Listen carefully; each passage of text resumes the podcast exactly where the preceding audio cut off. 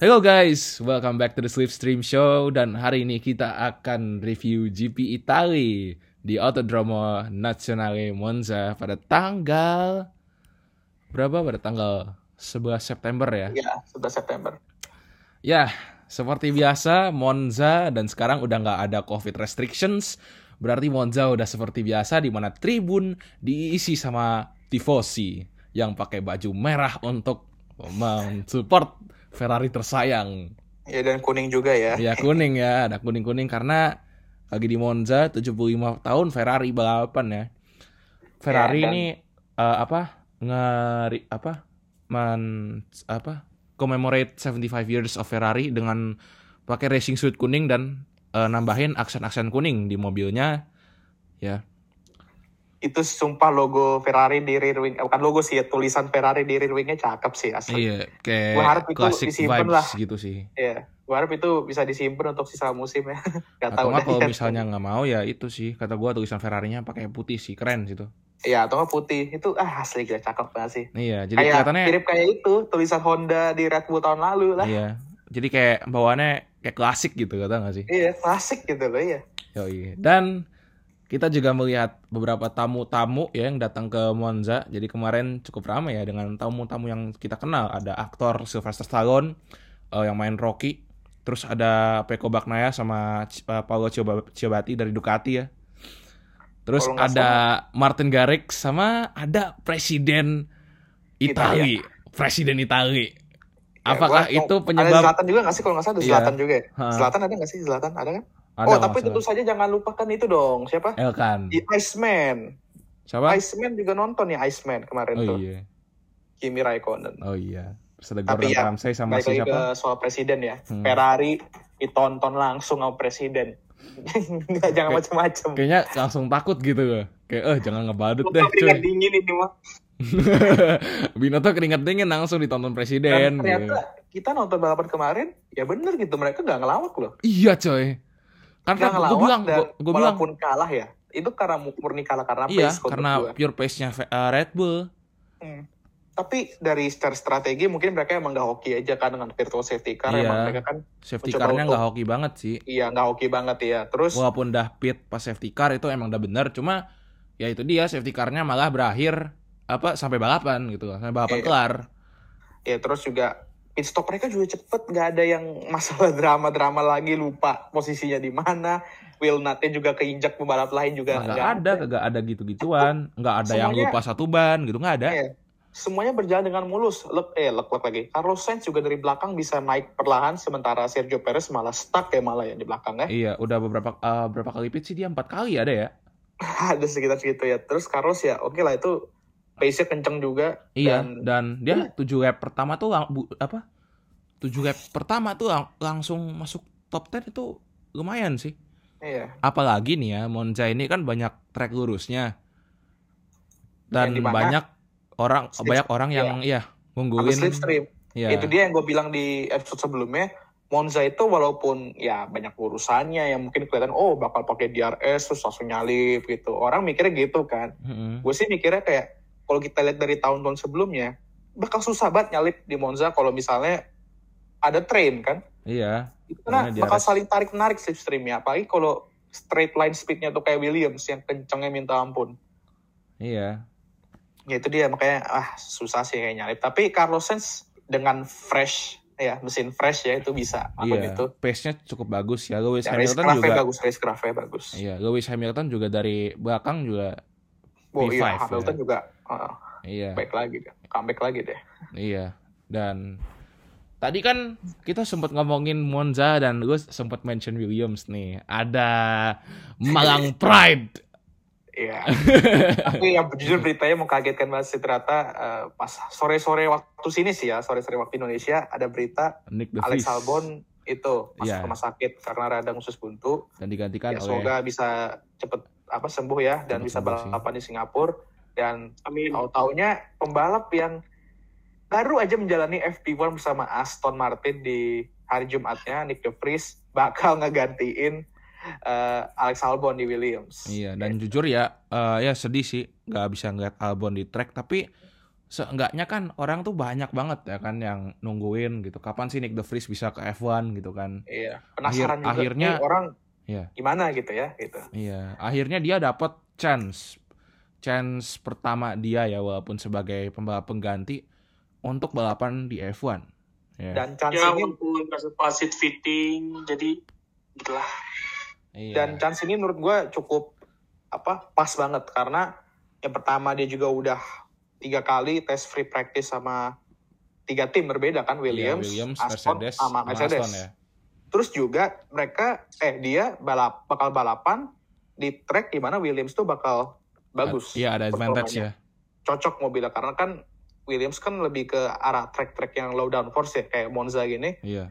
ya di mana lurusannya banyak. Nah ini cocok banget kan, makanya terbukti dari kualifikasi aja dia bisa tembus Q2 dan Iya. walaupun TV nggak tembus ya, tapi itu juga. Nah ini dia, Nah, iya gue bilang, gue ada bilang ke salah satu teman gue, gue bilang kayak ini Nick De Vries ini lebih baik targetin jangan crash. Gue bilangnya kayak gitu, Nah, jangan makanya crash. karena ini mungkin mungkin jadi chance satu-satunya dia Iya. untuk berada di F1 mungkin ya. Iya. Hmm. Tapi siapa tahu Lu- gitu dia Lu bisa, bisa masuk. finish aja, itu udah bagus, tapi jangan sampai crash. Sisanya bonus, mau dia ngalahin TV, mau dapat poin, podium, menang, pole position tuh bonus pokoknya. Hmm. Pokoknya intinya gue bilang, ini orang finish aja. Tahu-taunya dia melebihi ekspektasi kita semua sih jujur aja ya. Iya. Dari qualifying udah kenceng, bisa tembus ke Q2 gitu kan. Iya. Dan out qualified sanggut tuh TV. The Loh, goat. TV. Sanggot ketar-ketir. iya. Ketar-ketir sama anak Malang. Ya ini dia ya, jujur. iya, Uh, media sebenarnya Indonesia. gini loh, gue tuh mau ngomongin soal yang headline-headline berita tentang bendera Indonesia, Iya. keturunan Malang gitu-gitu. Hmm, Sebenarnya ya oke lah, emang bener dia ada keturunan Malang atau keturunan Indonesia. iya. Dan kenapa itu dibesar-besarin jadi headline ya biar orang baca lah. Karena Iya. kan kalau misalnya judulnya cuman pembalap asal Belanda Nick De Vries menggantikan ini Iya kan kayak orang kayak oh pembalap Belanda gitu kan. ya gini kan kayak Nah, oh, ya Kalau misalnya orang awam gitu ya baca ini terus ada Indonesia gitu kan. Ada Indonesia Iya. coy langsung pada gitu kan. Iya, Is iya. that an Indonesian reference? Nah, itu dia. Nah, makanya gue mikir kayak itu sebenarnya ada positifnya juga kayak headline kayak gitu. Iya, Jadi kalau strategi ini, strategi orang-orang biar awam orang itu yang mungkin masih kayak ah ini F1 apaan terus ini tuh kayak orang mungkin bakal nonton F1 nantinya. makanya iya. Nah, tapi negatifnya, ya ini itu sih dia ntar orang takutnya ngira nih orang Indonesia beneran gitu kan. terus orang over proud gitu kan takutnya. Terus Iya, kan overproud. orang Apalagi udah muak juga poin. gitu loh. Kan Iya. di apa Indonesia di ituin. country. Iya kan.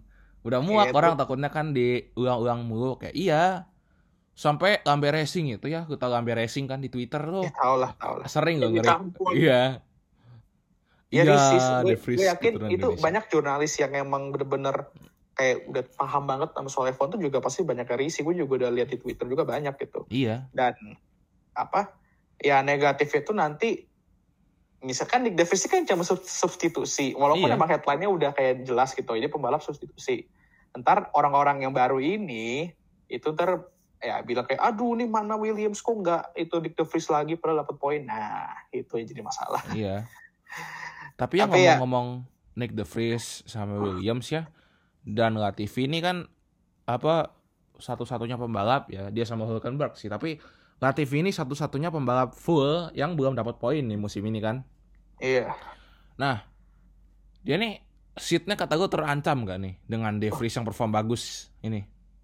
Kayaknya bukan terancam lagi ya. Kayaknya emang udah fix, sudah nggak bakal dipertahanin sih kalau kata Iya, gue. karena Williams juga sempat ngomong ya kalau misalnya mereka nggak punya eh nggak perlu pay driver lagi. Ya, tapi emang sebenarnya kayaknya pas sebelum British Grand Prix atau mungkin sekitar periode itu lah yang di mana mungkin Nick eh, Nick De Vries lagi Nicholas Latifi itu emang udah mulai terancam gitu loh seatnya. Dan tiba-tiba Nick, Nicholas Latifi itu langsung tembus Q3 di British Grand Prix kan dengan miracle banget bisa dan skill juga ya di hujan-hujan gitu bisa tembus Q3. Ya, Itu gokil Habis sih. itu ya performanya mulai nurun lagi gitu kan.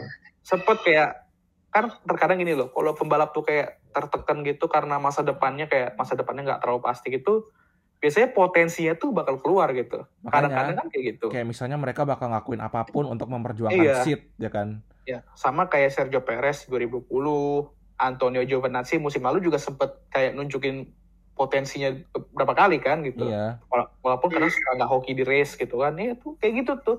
Mm. Mungkin mungkin Latifi bisa kayak gitu tapi ya ujung-ujungnya malah tetap aja gitu nurun gitu. Mm. Emang harus diakui juga emang mobil Williams musim ini kan emang bukannya bahkan Williams itu kan mobil paling lambat musim ini ya. Mm, salah satu yang paling lambat. Jadi ya performa dia kayak gitu mungkin masih bisa dia mengerti tapi kalau kita lihat Alex Albon dan Nick De Vries kemarin Wah, mereka ya, tuh bisa ini udah ngebuktiin kalau emang Williams butuh pembalap lain gitu biar Ah. bisa semakin ke de- semakin di depan asik Iya, Yamaha iya. semakin di depan Yamaha gitu.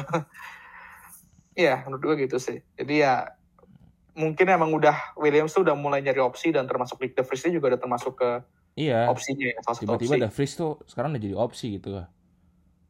Ya kita lihat aja ke depannya gimana pokoknya bursa transfer musim ini Makin heboh ya. makin heboh sih ya Nah, kita bakal ngomongin bursa transfer tar menjelang akhir podcast ya. Sekarang kita ngomongin balapan dulu.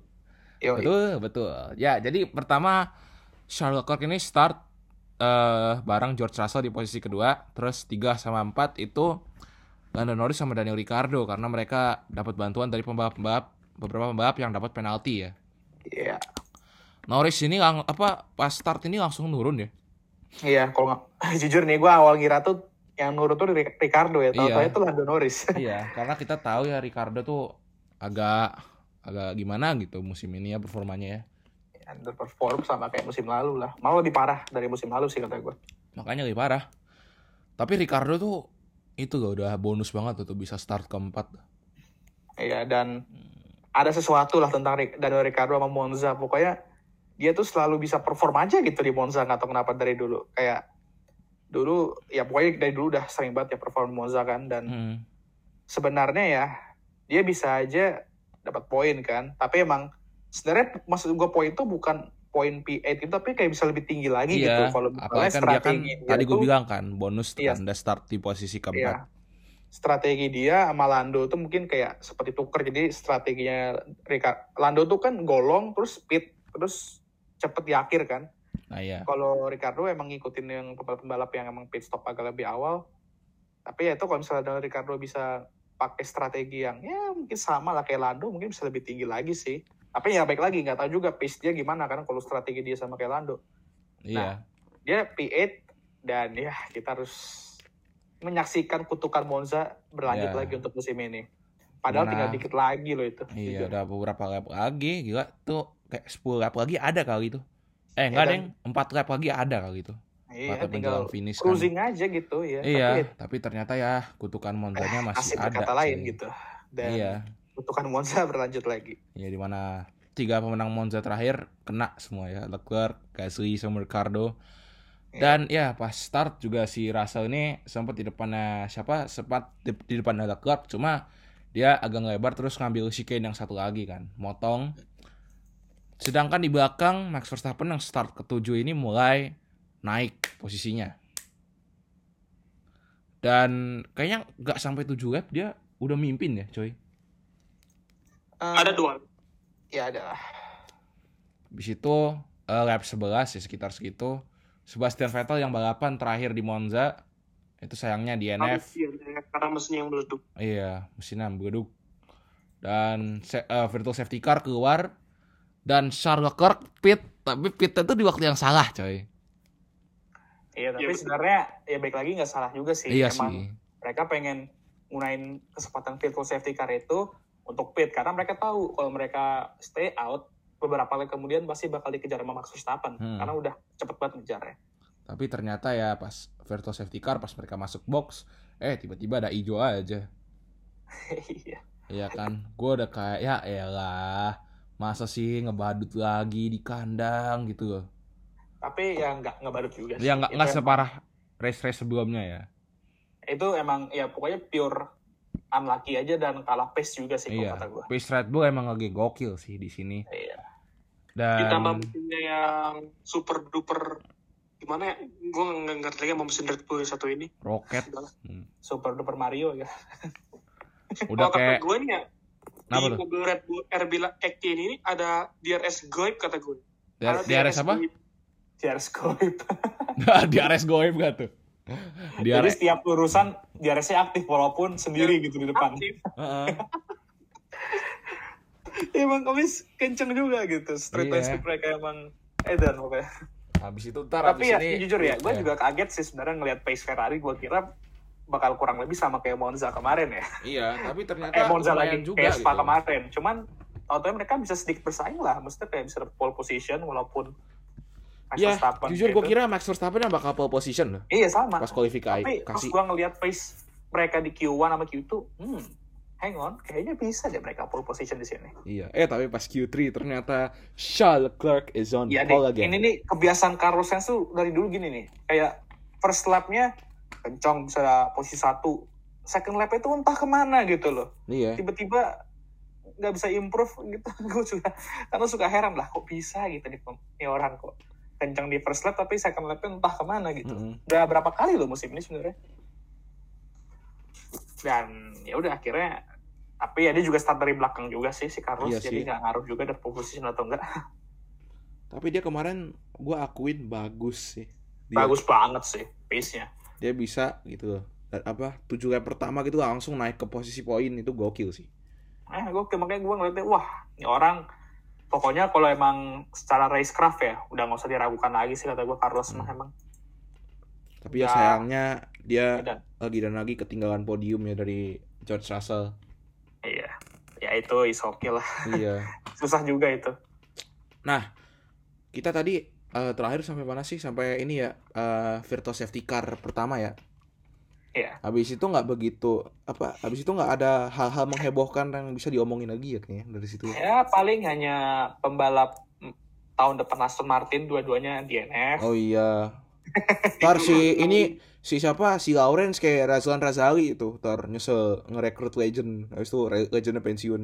Menurut gue sih ya, dong, bohong, kan tapi nggak tahu sih kita lihat dulu. untungnya kan sebenarnya emang mungkin nih ya Sebastian Vettel tuh masuk ke Aston tuh emang mencoba kan untuk kayak setidaknya ngebangun sebuah fondasi gitu. iya Jadi biar Michael tim tim Schumacher buat Aston Mercedes Martin dulu ya. ini, iya tim Aston Martin ini itu tahu ke depannya bakal gimana dan apa yang harus dilakukan, mindset mereka tuh harus gimana nanti gitu. iya Ke depannya apalagi kalau misalnya antar mau bersaing buat juara dunia gitu nggak sih?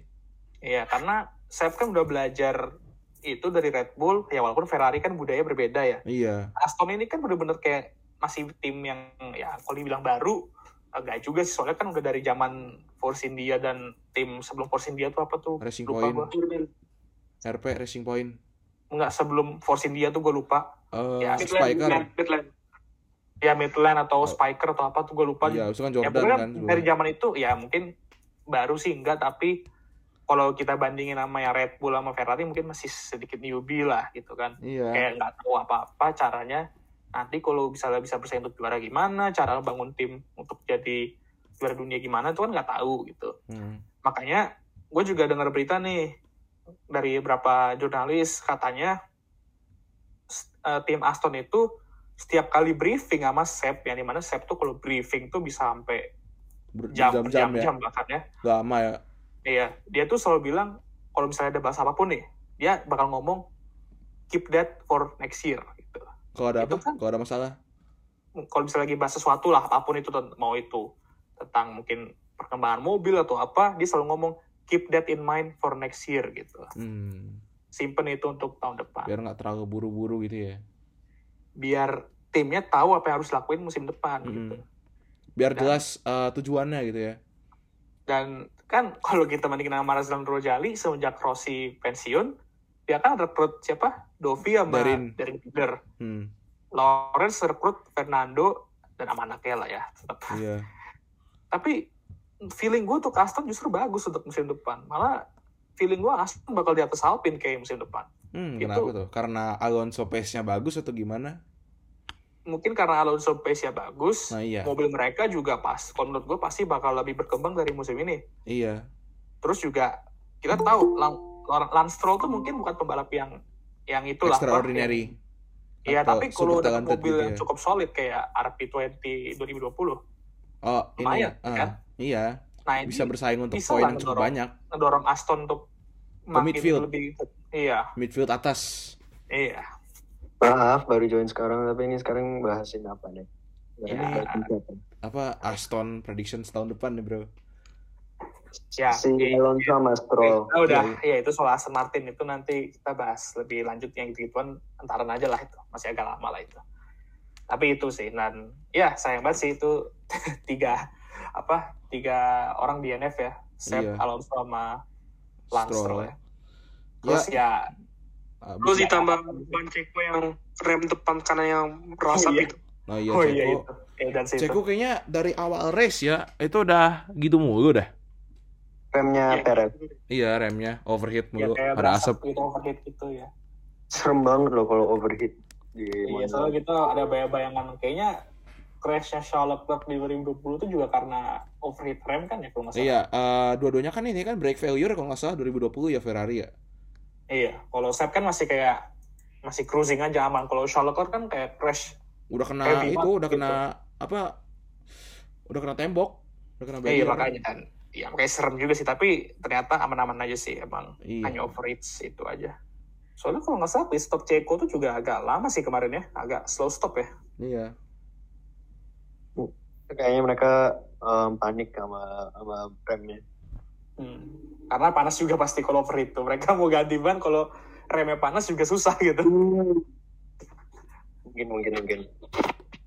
Ya, oke. Terus ya abis itu nggak ada terlalu banyak aksi sampai eh ada sih aksi dikit lah, dikit di belakang.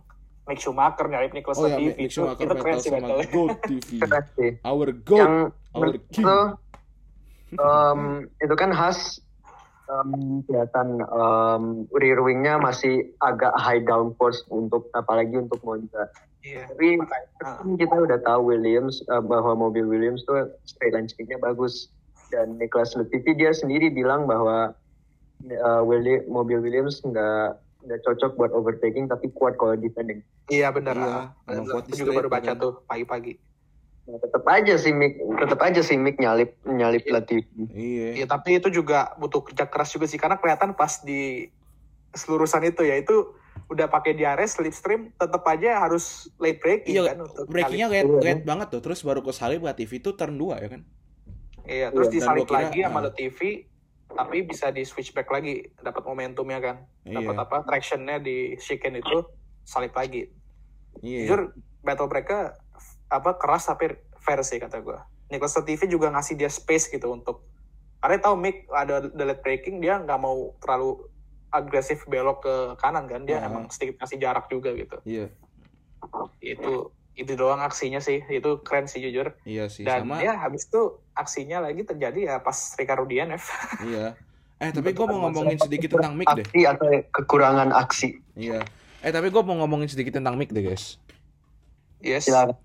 Dia kenapa ya akhir nih kayak abis Austria ya itu nggak pernah dapet poin lagi ya karena ya Nah itu kan karena itu masalah mobil sih. Iya. Mobil memang oh ya mobil mereka jalan. tuh kan upgrade sekitar Prancis atau Hungari gitu ya kan Iya. Prancis itu nggak Hungari itu si K-Mac dulu yang baru dapet oh Magnussen dulu ya Iya.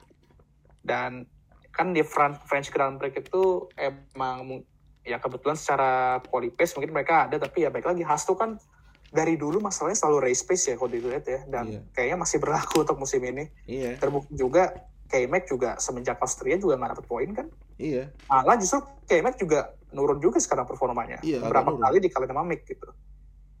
Emang kalau ngeliatin statistika race eh, head to head head to head itu Mick sebenarnya lebih lebih unggul lebih banyak lebih sering menang lawan di lawan Magnussen cuman Dia unggul di race tapi ya kita juga harus ingat juga kadang-kadang ada kenapa bad lucknya ya kayak Mac tuh selalu kena front wing itu kayak kenapa ya tiba-tiba kayak kesenggol gitu tiba-tiba dan harus Nah, iya, masuk iya.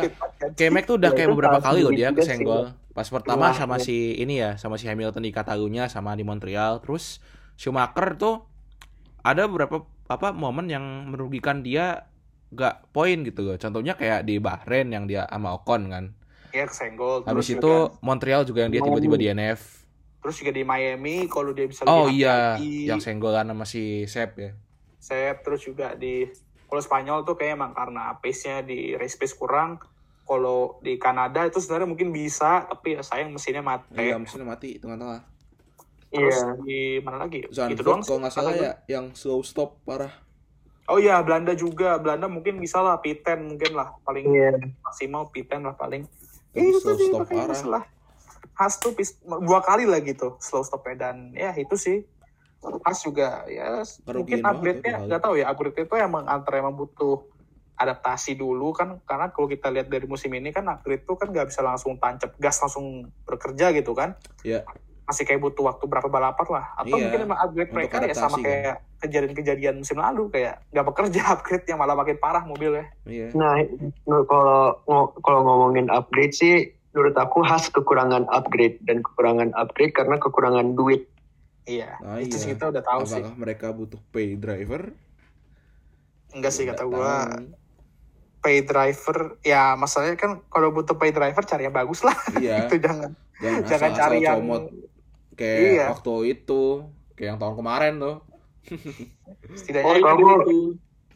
Kok aku jadi kepikir ya, apa tuh kebayang nggak ke- kebayang nggak kalian kalau keluarga Stroll hijrah ke Haas?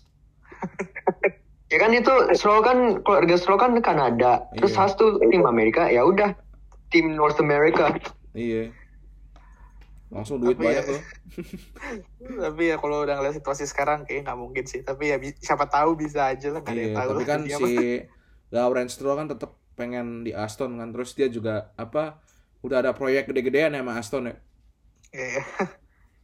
terus juga sebenarnya kalau nggak pay driver ya mereka ya Porsche paling mungkin mau kalau mau akuisisi Haas mah Heeh. bisa aja sih tapi katanya ya Porsche maunya sih Williams sih tapi nggak tahu juga Williams. Nggak tahu juga sih tapi kita lihat aja ntar ke depannya gimana. Tapi yang pasti ya Porsche Red Bull udah off nggak jadi. Iya, kemarin udah di udah resmi ya, nggak jadi. ya udah tapi ya Porsche masih berniat untuk masuk F1 lah. Tapi nggak tahu sama tim mana. Iya. Tapi yang pasti sama Red Bull tuh udah nggak jadi.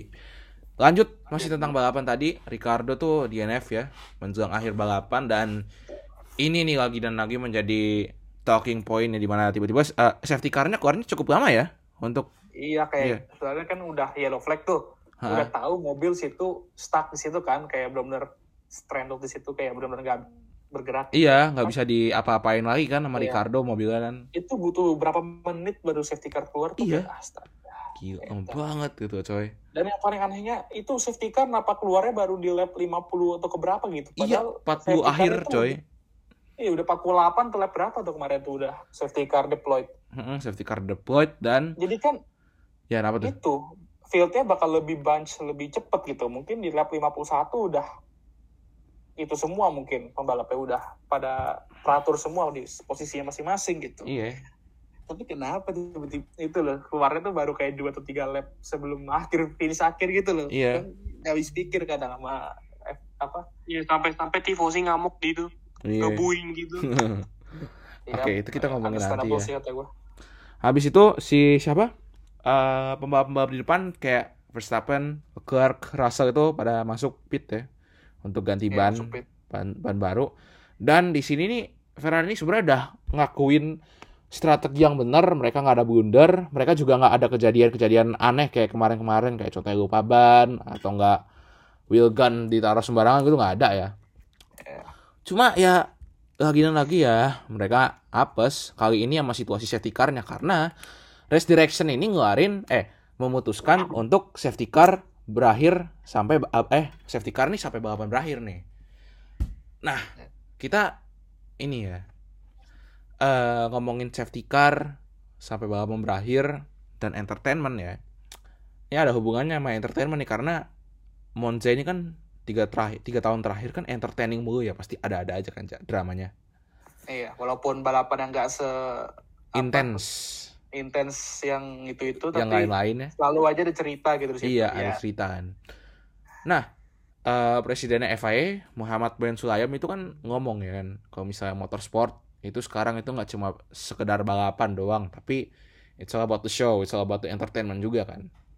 Kalau misalnya lu mau ngutamain entertainment di balapan nah seharusnya lu itu apa biarin gitu loh balapan untuk satu atau dua lap lagi gitu loh ya satu kan? lap lagi sih kata gue soalnya emang di lap 52 tuh udah clear banget tuh. Iya, udah clear banget. kayak barrier juga nggak ada rusak nggak ada apa ya satu lap lagi ya ayolah gas gitu. Gue udah Iya. ayolah gas satu lap lagi lah. Makanya kalau Tapi misalnya ya Sun Mori de- uh, di belakang safety car ya apa entertainmentnya gitu loh ya kan?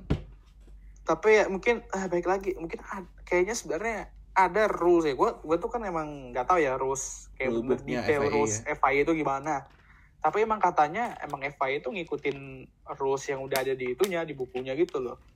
Makanya Michael Masi itu kemarin dipecat mungkin karena tiba-tiba ngelanggar. ngelanggar tahu. semau dia gitu ya? Iya, dia lebih ngincer ya itu lu bilang tadi entertainment itu satu Iya. lagi balapan. Padahal sebenarnya kalau situasi kayak gitu mungkin di bukunya tuh ya lu nggak usah balapan lagi gitu. Iya. apa gitu. Itu mungkin itu ya gue juga nggak tahu sih. Itu yang gue denger denger dari orang-orang gitu sebenarnya. Iya sih, karena kan emang kayak di rulebooknya FIA ya, kayak tadi gue bilang emang kalau misalnya balapan berakhir da- apa masih kalau situasinya masih agak bahaya gitu buat balapan ya udah safety car. iya tapi itu Atau enggak ya gue nonton ini, lu tahu Aditya Bat gak sih? Bat.tech di IG itu, yang orang India suka ngejelasin F1. oh, kurang tahu gue Oh nggak tahu ya. Nah dia bilang ya, kalau misalnya dua atau tiga lap di belakang safety car dan situasinya masih nggak kelar, masih gitu-gitu aja, seharusnya red flag. Lu setuju nggak? Eh, oke kita ngomongin red flag sekarang red flag Nah. itu kan mungkin kalau gue yang setahu gue ya itu tuh harus dikibarin tuh kalau misalnya emang kecelakaan serius Iya, kayak Terus- kenceng gitu ya. mungkin ada barrier yang rusak parah dan harus diperbaiki cukup lama Hmm. dan mobil mungkin mobil yang benar-benar saking susahnya untuk ditarik ke luar trek mereka harus butuh banyak mungkin crane atau apa baru ya, mereka keluar itu mungkin red flag bakal dikibarin nah masalahnya kemarin itu kan red- red- kalau mau situasi red flag juga oke mobil ada di trek ada crane juga harus ditarik ke luar trek kan Iya. barriernya tapi aman-aman aja terus juga mobilnya juga masih utuh gitu dan nggak ada serpian di mana-mana gitu kan Mm-mm. Menurut Iya, ini nggak ada serpihan. Cuma mesinnya kan kalau mati mau kan. di red flag ya nggak unnecessary, unnecessary banget sih gitu loh kata gue Iya. walaupun sebenarnya bisa aja tapi kayak "Emang buat apa gitu loh gue mikir kayak orang itu juga mungkin ya itu lagi secara waktu juga kayak nggak pas gitu loh Iya, makanya soalnya ya di sini juga apa yang nyebabin apa safety car keluar ini kan nggak serius-serius banget ya cuma mobil tiba-tiba mati kan. ya terus gearnya jadi Iya, nggak bisa stuck. dimundurin Oke, habis itu ya berarti dengan ini Verstappen eh, untuk pertama kalinya menang dan podium pertama juga di Monza ya selama karir dia. Iya, Terus gitu. Charles Leclerc ya, walaupun Ferrari eh, nggak menang, tapi seenggaknya ada Ferrari di podium, tapi kayaknya tifosi tetap berkesel ya. Pastilah itu Iya, karena ya sebenarnya kalau bisa ada satu lap lagi tuh kemenangan itu ada dikit lagi coy. Ya oke nih ada yang ngomong gini juga Nah, ini gini nih, ada yang ngomong gini. Alah, paling juga kalau bisa balapan satu lap lagi, kayaknya nggak mungkin Charles Leclerc bakal menang. Karena kan Max Verstappen juga udah pakai ban baru. Dan lu tahu sendiri Red Bull pace-nya gimana gitu. Oke, Iya. itu pertama. Sekarang, kan yang kita nggak tahu, kita nggak tahu ntar Charles Leclerc bakal seagresif apa iya untuk makanya. ambil kemenangan itu. Ya kan? Karena oke, itu bisa jadi one thing, tapi nggak tahu nanti kejadian next-nya itu gimana gitu. Iya, soalnya kita ya lagi dan lagi kita harus ingat pace-nya Red Bull tuh gokil coy. dan kita kan juga nggak tahu ntar Max Verstappen tuh kalau restart tuh bakal gimana. Mungkin aja dia bisa apa kemakan itu sendiri trik sendiri kan. Mungkin Leclerc udah bisa tahu triknya gimana. Nggak ada yang tahu. Banyak kemungkinan dapat terjadi gitu. Kalau misalnya kita balapan satu lap lagi dan itu yang sangat disayangkan banget gitu. Iya, makanya. Dan kita juga nggak tahu apa yang terjadi di belakang. Bisa aja Carlos Sainz nyalip George Russell kan? Bisa Iya, jadi. bisa jadi, bisa jadi. dan mungkin bisa aja mungkin terjadi drama lagi crash di belakang gitu dan mungkin Iya. Latifi bisa dapat poin gitu. Nggak ada yang Ya, tahu kan gitu. Nggak ada yang tahu gitu kan. Banyak kemungkinan dapat Lebih terjadi TV dapat poin. Iya. iya makanya kayak nih contohnya nih kayak Abu Dhabi kemarin kan kemungkinan dapat terjadi wah Verstappen mungkin bisa nyalip Hamilton atau Hamilton bakal bertahan tapi Iya. battle mereka bakal seru Hmm. terus kan di belakangnya juga ada banyak pergerakan juga kayak Sunoda naik berapa posisi Iya, tiba-tiba ke posisi keempat kan. yang yang emang karena nggak kelihatan emang karena para fokusnya kan di depan gitu Iya, nah itu dia banyak yang bisa terjadi gitu loh iya. Nggak Kalau hanya misalnya ada doang, tapi ini, kalau safety belakangnya kelar. juga. iya itu dia yang sangat disayangkan itu loh. Bukan Iya. masalah siapa yang menang atau enggak aksinya tuh pasti ada gitu. Iya, makanya kayak tadi gue bilang, kayak ya gua ngehituin statementnya si Muhammad Ben Sulayam ya. kalau misalnya mau ng- ngutamain entertainment ya udah nggak usah safety car safety car kelarin gitu di gas lab. Karena ya lu nggak bakal tahu apa yang akan terjadi gitu kan. Pasti bakal ada aja bakal ada aja gitu aksinya kan. Ya, tapi ya sudah itu udah terjadi ya kita bisa apa dan Iya, ya mungkin kita nggak bisa bisa lebih diperjelas lagi lah ini peraturan safety car nih ya kira-kira gimana enaknya gitu loh. Apakah Iya. emang bisa di ending pada periode mana pun bisa atau emang kalau emang udah satu dua lap lagi kayak udahlah ending belakang safety car aja. Ya, gimana yang paling yang paling enak ya gitu. Mungkin bisa Iya. direvisi-revisi lagi lah gitu. Jadi jelas gitu. Penonton Hmm. juga itu juga tahu oh kalau misalnya udah dua tiga lap lagi selesai ya safety car ya udahlah ending aja gitu. Jadi kita nggak perlu kayak protes gitu di depan TV atau depan mata kayak eh, Iya. gitu, gitu kan Hmm. kayak eh, itu udah buang tenaga juga jadi diperjelas saja gitu loh biar kita semua tahu juga iya karena kita kan sebagai walaupun fans F1 ya dan bukan kerja di FIA tapi kita juga yang mungkin passionate banget gitu ya. sama F1 tuh kayak bener-bener pengen tahu juga gitu loh iya kenapa nih tiba-tiba kok lu tiba-tiba nurut gitu loh padahal tahun kemarin gitu. Gue ngutamain entertainment gitu makanya safety car-nya gue kelarin gitu ya kan. Tapi ya udah ya balapannya udah kelar itu juga udah terjadi ya. Kita bisa apa lagi kan? Iya. Dan setelah race nih ya si Mercedes tiba-tiba ngeluarin nyindir apa nyindir FIA nih. Ya udah pasti lah itu. Iya karena kan ya Abu Dhabi 2001 kan lagi dan lagi ya si Toto Wolff nih tiba-tiba ngomong kan pas akhir balapan wah balapan ternyata bisa ya kelar di belakang safety car ya. Kalau gitu kenapa Abu Dhabi gak digituin? Dia gitu kan langsung ngomongnya ya. Yoi, yoi. Hamilton Terus juga, Hamilton juga. iya terus Hamilton juga si Lewis kan. Hamilton bilang itu harusnya Abu Dhabi kemarin endingnya kayak gitu. Itu juga juga ngomong gitu. Aduh. Iya. Dan Masih- ya, eh, Tidak bisa move on. iya dan para lord tentunya. Oh, itu mah gak usah ditanya Aduh, gua gua nggak ada sih kemarin belum ada baca-baca statement dari Lord Lord kami tercinta ya. iya. Karena emang karena emang kemarin tuh ini gue jujur gue tuh kemarin habis balapan tuh emang pengen langsung tidur. apa buat video ngedit dan Oh. upload besoknya kan. Tapi gue juga ada urusan lain gitu setelah balapan tuh. Ya makanya Jadi ya. cuy dan ya itu dia makanya gue nggak terlalu perhatiin tweet-tweet dari Lord ataupun ya yang itu itulah iya dan ya habis itu ya setelah balapan gapnya Max Verstappen sama Charles Leclerc itu 116 poin cuy segede itu loh dan dia cuma butuh 22 Jarak. poin 22 poin lagi untuk juara, juara. dunia di Jadi- Singapura Jadi gini, jadi kalau misalnya dia menang di Singapura plus fastest lap dan Charles Leclerc itu posisi ke-8 atau rendah lebih rendah lagi, udah that's it, world champ that's over. Yep, over. Game over. Finito. ini dia juara dunia ini masih ada berapa balapan lagi ya kan masih ada 6. Singapura Jepang habis itu Brazil, US Meksiko.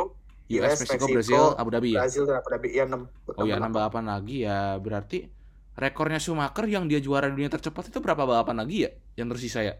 Oh, itu gua kemarin kayak ada sempet itu di tahun berapa tuh ya? 2001 Kayak 2 ya? tahun 2004 atau 2 eh 2004 ya? Antara 2004 atau 2002 gue lupa. Kalau nggak salah tuh sisa kayak 6 balapan lagi juga sih. Oh, 6 balapan ya. Kayaknya 6 balapan atau 5 balapan gue lupa. Ya berarti bisa kali nyamain ya. Sama Max Verstappen ini ya dia kan lagi on fire banget dia lagi win streak 5 kali ya. Yes. Dia bisa ada dua rekor nih. Dia bisa Ya, mencetak rekor. rekor baru di mana dia bisa menang apa Lebih dari 3 eh, balapan, 13 9 balapan plus satu musim. beruntun ya. Sama Ya. dia bisa kata gua menang lebih dari 13 balapan kan 13 balapan itu kan kemenangan terbanyak dalam satu championship ya Schumacher sama Ya. Vettel. Ya. Nah, ya tuh mungkin kata gua bisa sih kata gua Verstappen bisa menang lebih dari Menurut itu. gue sih udah itu udah pasti bakal terpecahkan sih kata gue. Iya. Tapi bisa sih. rekor yang mungkin bakal lebih sulit tapi bakal amazing banget ya kalau dipecahin tuh rekor win streak ya setiap, Iya. kali itu. Itu kata gua bisa eh, kalau bisa sih gokil sih.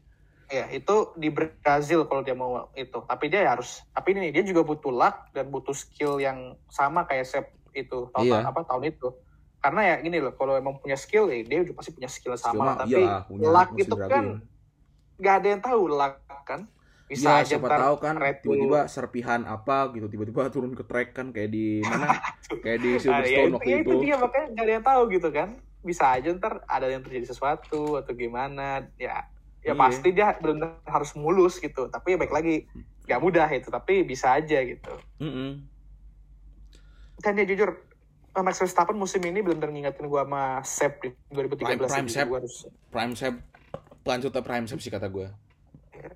benar-benar ngingetin gua sama iya Prime Sep jujur. Tapi kata lu ya, kan banyak yang bilang kan apa mendingan Prime Sep lah daripada Prime Max di Red Bull gitu kan.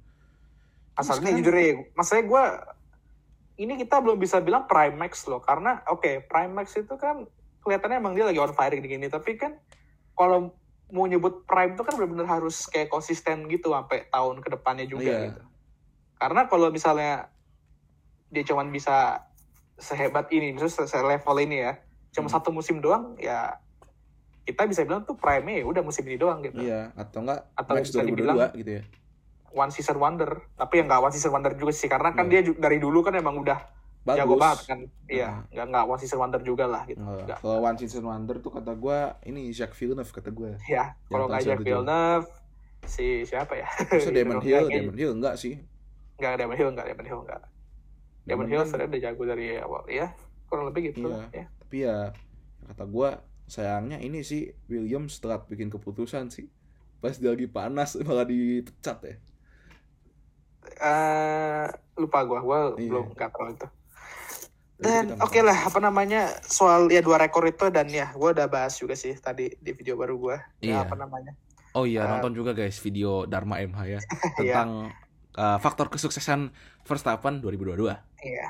Apa namanya? Gua ada bilang ada dua rekor yang bisa dia pecahin yaitu dia rekor win streak SF sama rekor 13 kali kemenangan. Iya. Tapi waktu itu gue juga ada nonton videonya si siapa? Dims ya. Nah, Dia bilang katanya kalau emang kemenangan 13 atau lebih tuh sekarang emang udah nggak terlalu spesial emang karena balapannya udah banyak gitu. iya balapannya banyak. Kalau lu achieve-nya tuh di eranya Schumacher itu baru impresif karena emang balapannya kan cuma berapa doang? Dikit 17, 17 18 lah ada ya. 16 bahkan kan kadang. Nah itu dia itu yang. Jadi kalau mau lihat apa kayak eh, rekor itu tuh emang harus lihat dari percentage ya gitu. Iya, dari berapa balapan yang di apa yang diselenggarakan pada tahun tersebut ya kan. Ya karena ya ya semakin banyak balapan ya rekor-rekor itu ya pasti udah bakal pasti terpecahkan gitu. Iya. Makanya gue bilang rekor yang bakal paling amazing untuk dipecah itu ya rekor Sep karena sampai sekarang tuh mau balapan sebanyak apa pun tuh sampai sekarang lah ya itu belum ada yang Iya, ngalahin bahkan gitu. bahkan Hamilton yang benar-benar hebat ya di 2020 yang mobilnya dominan terus paling OP kan. Itu juga iya, dia nggak bisa. Sekarang kan 2020 deh, nine- nine times win streak itu 2014, eh 2017, 2018, 2019. Iya di era dominasi dia belum ada loh. Terus Ah, dia nggak menang ada. paling banyak juga 11 ke satu musim ya. Iya, Iya. 11 doang. Ya, tapi kita lihat aja ke depannya gimana. Iya. Dan ngomong-ngomong soal Sep ya, ada sisa 6 balapan lagi sebelum kita lihat ya balapan terakhir ya. Iya. Sebelum di Ingat pensiun. slogannya di hashtagnya there is still race to win. Race of Champions mungkin maksudnya. iya. Race of Champions musim eh, tahun depan tuh. Iya. Itu mungkin yang diincer, dia pengen itu. Tapi kalau misalnya yang dia win race F1 gokil sih pakai Aston Martin. Tapi Wah, ya itu- itu itu fantasi kita aja ya. Kalau misalnya fantasi itu jadi kenyataan, Gila. Gue kayaknya nggak bisa mikir lagi, nggak bisa ngomong apa-apa dah kalau dia bisa menang. Tapi ya nggak mungkin sih kata gua. No chance. Sebenarnya eh, kalau ini loh, gue punya feeling bagus untuk Sep di Singapura, cuman semenjak kejadian Monza kemarin yang dia mati mobilnya, itu kemungkinan dia bakal ambil grid penalti sih di Singapura dan aduh, sumpah gue kalau jadi Aston Martin gue bakal nampar muka gue 10 kali kali ya. Harusnya lu ambil grid, apa grid penalti tuh di sini aja gitu loh. Iya. Lu ambil grid penalti di Singapura tuh udah kayak ngambil grid penalti di Monaco susah nyalip di sono tuh lu nggak bisa expect apa apa kalau udah ambil grid penalti sih. tempat-tempat nyalip tuh dikit kan turn satu mah gue nggak tahu sih gua iya pernah dan kita semua tahu sendiri kan Sep selalu bilang dia track favorit itu Suzuka ya Hmm. tapi gue lebih percaya Sep di Singapura daripada Sep di Suzuka Karena kenapa? Karena- Sep tuh banyak menang di situ kan. enggak Terus, karena Sep oh, tuh emang selalu bagus aja gitu di street circuit atau kenapa Sama ya kalau ngomongin Sebastian Vettel sama Singapura kita tentu kita ingat dong sama Paul dari garasi ya kan. iya Dan terus ya, juga kemenangan terakhir dia juga di sini gitu Iya. Dan tahun ini juga pole dari garasi kan diituin juga diulangin sama Max Verstappen yang juga Nah, di iya, Red Bull. itu dia makanya gue ngeliat Verstappen musim itu bener-bener Kayak ngingetin prime gue sama Sep. Dulu gitu Iya. Ya, jadi itu kayak sekian cerita tentang Sep dan Verstappen ya dan ya sekian cerita tentang Verstappen sama rekor-rekor yang dia bisa pecahin musim ini ya. Sama habis ini kita ngomongin tentang lagi dan lagi driver transfer series season karena masih heboh nih cuy, masih happening. ya banyak sekali kemungkinan Alpine Iya, Alpine katanya Iya. Alpine sekarang katanya Alpine. kemungkinan ini Pierre Gasly. Terus gue lihat tapi kemungkinan Pierre Gasly agak sulit sih kayak katanya nggak segampang yang di kita kira jadi kemungkinan ya kalau nggak Pierre Gasly Nick De Vries sama Mick Schumacher atau Oh, mungkin Daniel. Ricciardo juga gue juga nggak tahu tapi iya Daniel Ricardo ya. kayaknya ya menurut gue Daniel Ricciardo bakal sabbatical sih kata gue Iya. Bakal itu rehat semusim. dulu lah. Vakum dulu setahun ya mungkin dia balapan dulu di mana gitu nggak tahu di Indy mungkin atau di NASCAR mungkin nggak ada yang tahu lah Iya, atau nggak bisa di endurance mungkin ya nggak juga tahu. kalau udah jelas, Ricciardo gak mau di Formula E. kalau ya itu nggak tahu sih kayaknya Oh, nggak Ricardo E emang sih dia bilang kayak dia nggak mau Formula E. Ada yang bilang di jurnalis apa gitu, gue denger dia gak mau di Formula E, sama kayak Sep. Hmm. Gue kira dia mau gitu ambil balapan apa aja yang penting balapan gitu gue kira mau dia. Kalau gue jadi Alpine sih ya hmm kalau jadi Alpine Tahu-tahu Jack Doohan, Assalamualaikum. kalau Jack Doohan kata gue butuh satu tahun lagi sih di F2 kalau kata gue iya. Nah iya. biar dia bisa lebih mateng dikit aja lah mungkin kalau Alpine emang benar-benar nggak prioritasin Jack Doohan ya untuk seat Alpine di 2024 mungkin antara emang cari pembalap sementara mungkin ya Hmm. mungkin kayak pembalap berpengalaman kayak Nico Hulkenberg mungkin Iya. balik lagi ke Alpine kan sementara aja ya ini kan sih Sementara kayak nggak mau yang jangka panjang dulu. Tapi Hmm. baik lagi ya nggak tahu juga tujuan Alpine apa. Kalau menurut gue sih emang Terus- mungkin cari pembalap yang bagus untuk dapat poin-poin konsisten aja sih kata gue Iya. Atau nggak sih yang sementara tapi konsisten itu mungkin siapa tahu bisa sih. ya kalau Alpine sih gue masih belum bisa mikirin sih dia maunya mereka maunya apa. Kalau gue jadi tapi kalau gue jadi Haas gue pertaruhin Mick Schumacher sih. Ngapain rekrut Hulkenberg atau siapa Giovinazzi buat apa gitu Iya, soalnya Schumacher kan muda gitu kan. Tapi ya walaupun adaptasinya lama, tapi kan siapa tahu gitu dia bisa Iya, masalahnya yang- kalau Mick iya. Schumacher pindah ke tim baru ya dia harus adaptasi lagi ya. Hmm. adaptasi ah, iya, lama. adaptasinya lebih banyak lagi. Iya, mending kata gue lu lu pertahanin Mick Schumacher apalagi ya nama Schumacher lumayan lah bisa narik sponsor kan. Iya, Terus itu jangan apa ngambil pembalap lain apalagi Antonio Giovinazzi atau Nico Hulkenberg kayak buat apa gitu. Iya, soalnya Giovinazzi kan kita udah lihat kan musim terakhirnya dia kayak cukup kesusahan di Alfa Romeo ya.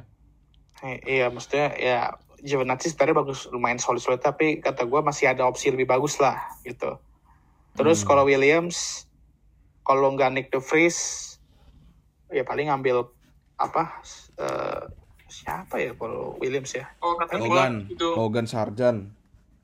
Logan Sargent di- butuh setahun lagi, kalau kata gue. terus ya kata gue butuh setahun lagi sih, makanya pembalap F2 tuh musim ini tuh banyak yang setidaknya Lagi butuh satu tahun lagi gitu. Yang rookie-rookie butuh satu tahun lagi karena kurang masih kurang konsisten gitu loh. Atau mungkin Theo Porcher bisa aja sih, tapi mau nggak Te- apa Alfa Romeo kehilangan Theo Porcher ke Williams? Iya. Feeling gue sih kayaknya nggak mau, tapi nggak tahu juga sih. Masalahnya Theo Porcher ini umurnya mumpung masih muda ya, terus kelihatannya kencang walaupun rada-rada nggak konsisten juga, tapi itu bisa diperbaikin lah seiring umurnya bertambah lah, masih Hmm. bisa mature. Terus kita dapat berita dari Aston Martin, juara dunia F2, Felipe Drugovich jadi Oh iya, dia juara doang ini ya, juara doang. jadi Juara doang, juara driver. Kalau kan F2 kan nggak termasuk kategori kejuaraan dunia ya, jadi juara doang statusnya bukan juara dunia. Iya. Dan ini Soalnya ya juara F2 Felipe Drugovich. Kalau nggak salah katanya dia juga sempat ditawarin ke IndyCar sama ya IndyCar kayak nyotit. Tapi Oh, dia iya. nolak dia lebih milih jadi reserve driver Aston. Hmm, ya sih. Gila ya Astonnya F1. ngumpulin para juara-juara nih. Siapa tahu nih Iya. Aston tahun depan misalnya Felipe Drugovich gitu kan bisa gitu apa juara dunia karena kan tadi kata gue kan eh fondasinya si Aston ini kan Sep ya kan. Nah ya dia Mungkin aja kan dia mumpung dia juara F2 em, ya dia bisa ngebantu develop mobil juga gitu. Kan Hmm. jadi tes eh apa development sama reserve driver kalau nggak salah atau development driver doang gue lupa. Dan ya mungkin dia bisa masuk ke yang driver test sama tes tes Pirelli test itu kan, terus juga sama free practice mungkin tahun depan itu juga bisa. Hmm. Dan mungkin kalau ya ini semoga enggak sih, tapi kalau misalnya ada yang kayak waktu itu kayak Sep ya, mungkin positif COVID atau sakit nggak bisa balapan, ya dia bisa turun. Iya, Tapi ya semoga aja sehat-sehat semua lah ya, jangan ada yang sakit lah. iya. Dan itu dong sih, jadi tinggal di Alpine, di Haas, sama di Williams. Iya itu tiga doang Yang sih yang lagi in contention ya. Iya, Jadi tiga kita, itu aja. Kita tunggu ya sampai akhir tahun de- ah, sampai awal tahun depan siapa yang Oh iya, sama Alpha Tauri Gasly kalau misalnya Gasly cabut kan. Oh iya. Ya. Ya, kita lihat saja ke depannya. Lihat tahun depan kayak gimana. Ya dan mungkin beberapa bulan ke depannya bakal hektik sih. Iya bakal Oktober heboh sih kata gue bakal banyak berita-berita sih. Bakal heboh sih nih berita pertukaran driver. Dan kayaknya itu aja kali apa podcast Iya. kita kali ini. Ya cukup banyak yang bisa dibahas ya dari Dari balapan, terus eh, akhir dari safety car ya kan, terus driver Iya. transfer ya, dan kutukan Monza juga Kutukan Aston. Martin juga sempet. special livery Ferrari ya kan. Iya. Yuk, itu aja. And thank you for listening. And we'll see you after the Singapore Grand Prix ya, Oktober. Tiga minggu lagi ya, tiga minggu. Iya. Lumayan lah, kita dapat tiga minggu balapan, tiga minggu break. Balance. Tapi ya MotoGP kan sekarang gilirannya triple header cuy. Oh ya, MotoGP triple header ya, udah Iya, boleh lah, iya, lumayan iya. lah, ada hiburan lah. Iya. Jadi ya, oke lah kita. Ya, kalau okay misalnya lah. jenuh coba lah nonton MotoGP ya. Tapi nggak usah dipaksain. Itu cuma saran kita Saran. doang. And that's all. Thank you for Ngasih watching solusi. and see you next time. Ciao.